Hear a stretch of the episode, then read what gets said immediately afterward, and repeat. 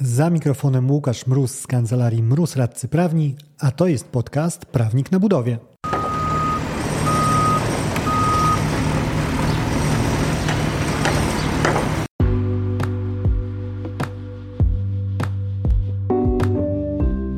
Prawnik na budowie. Podcast o wszystkim, co związane z budownictwem. Nazywam się Łukasz Mróz, jestem radcą prawnym i partnerem w kancelarii Mróz Radcy Prawni, w której na co dzień pomagamy firmom budowlanym sprawnie prowadzić projekty. To kolejny mikroodcinek, czyli krótki strzał konkretnej wiedzy na konkretny temat. W dyskusjach o tym, jaki jest sens, a może nawet bezsens prowadzenia sporów budowlanych w sądach, jednym z regularnie powtarzanych argumentów jest koszt takich postępowań.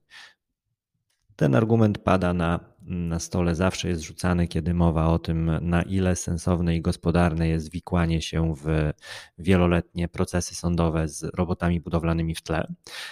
Ale cóż, ile wynoszą te legendarne, wysokie koszty postępowań?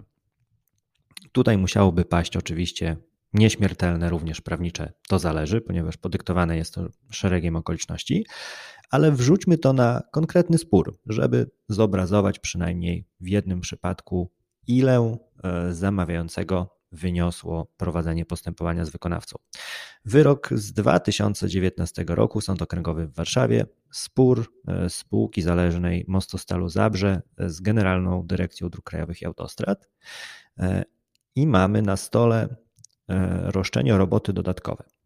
I w tym wyroku e, Sąd Okręgowy przyznał rację wykonawcy, zasądzając na jego rzecz 7,1 miliona złotych.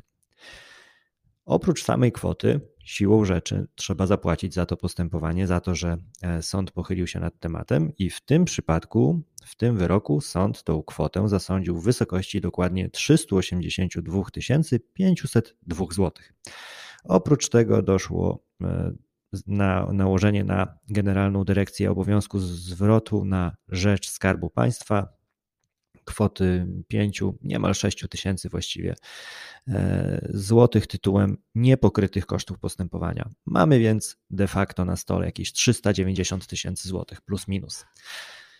Mało, nie mało? No, według mnie jak najbardziej nie mało, i tutaj e, ten standard wysokich kosztów jak najbardziej był e, spełniony. Warto podkreślić, że mowa tutaj o kosztach postępowania. To nie są oczywiście jedyne kwoty, które wynikają z tego sporu, ponieważ odsetki biją aż miło, ponieważ e, sama sprawa e, jest tutaj, mówią o wyroku sądu okręgowego, ale on już został wydany po uprzedniej ścieżce, gdzie zaliczono sąd okręgowy, sąd apelacyjny i sąd najwyższy, który stwierdził, że dobra, wracamy z tematem na pierwsze piętro i zaczynamy zabawę od nowa.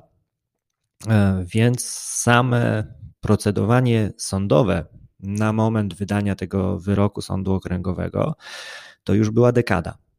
Biorąc pod uwagę, że no, spór od razu nie trafił do, e, e, na wokandę sądową, no to mówimy o kilkunastu latach już dochodzenia tej należności i o kilkunastu latach odsetek, które zdecydowanie przekroczył tę e, kwotę kosztów. Ale skoro o kosztach była mowa, to raz jeszcze podsumowując, 390 tysięcy. Tak, dużo, tak, warto korzystać z mediacji czy z możliwości zawierania ugód, po prostu się opłaca.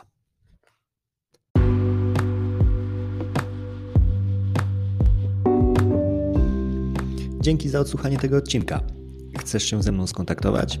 Napisz na mroz.małpa kancelariamroz.pl.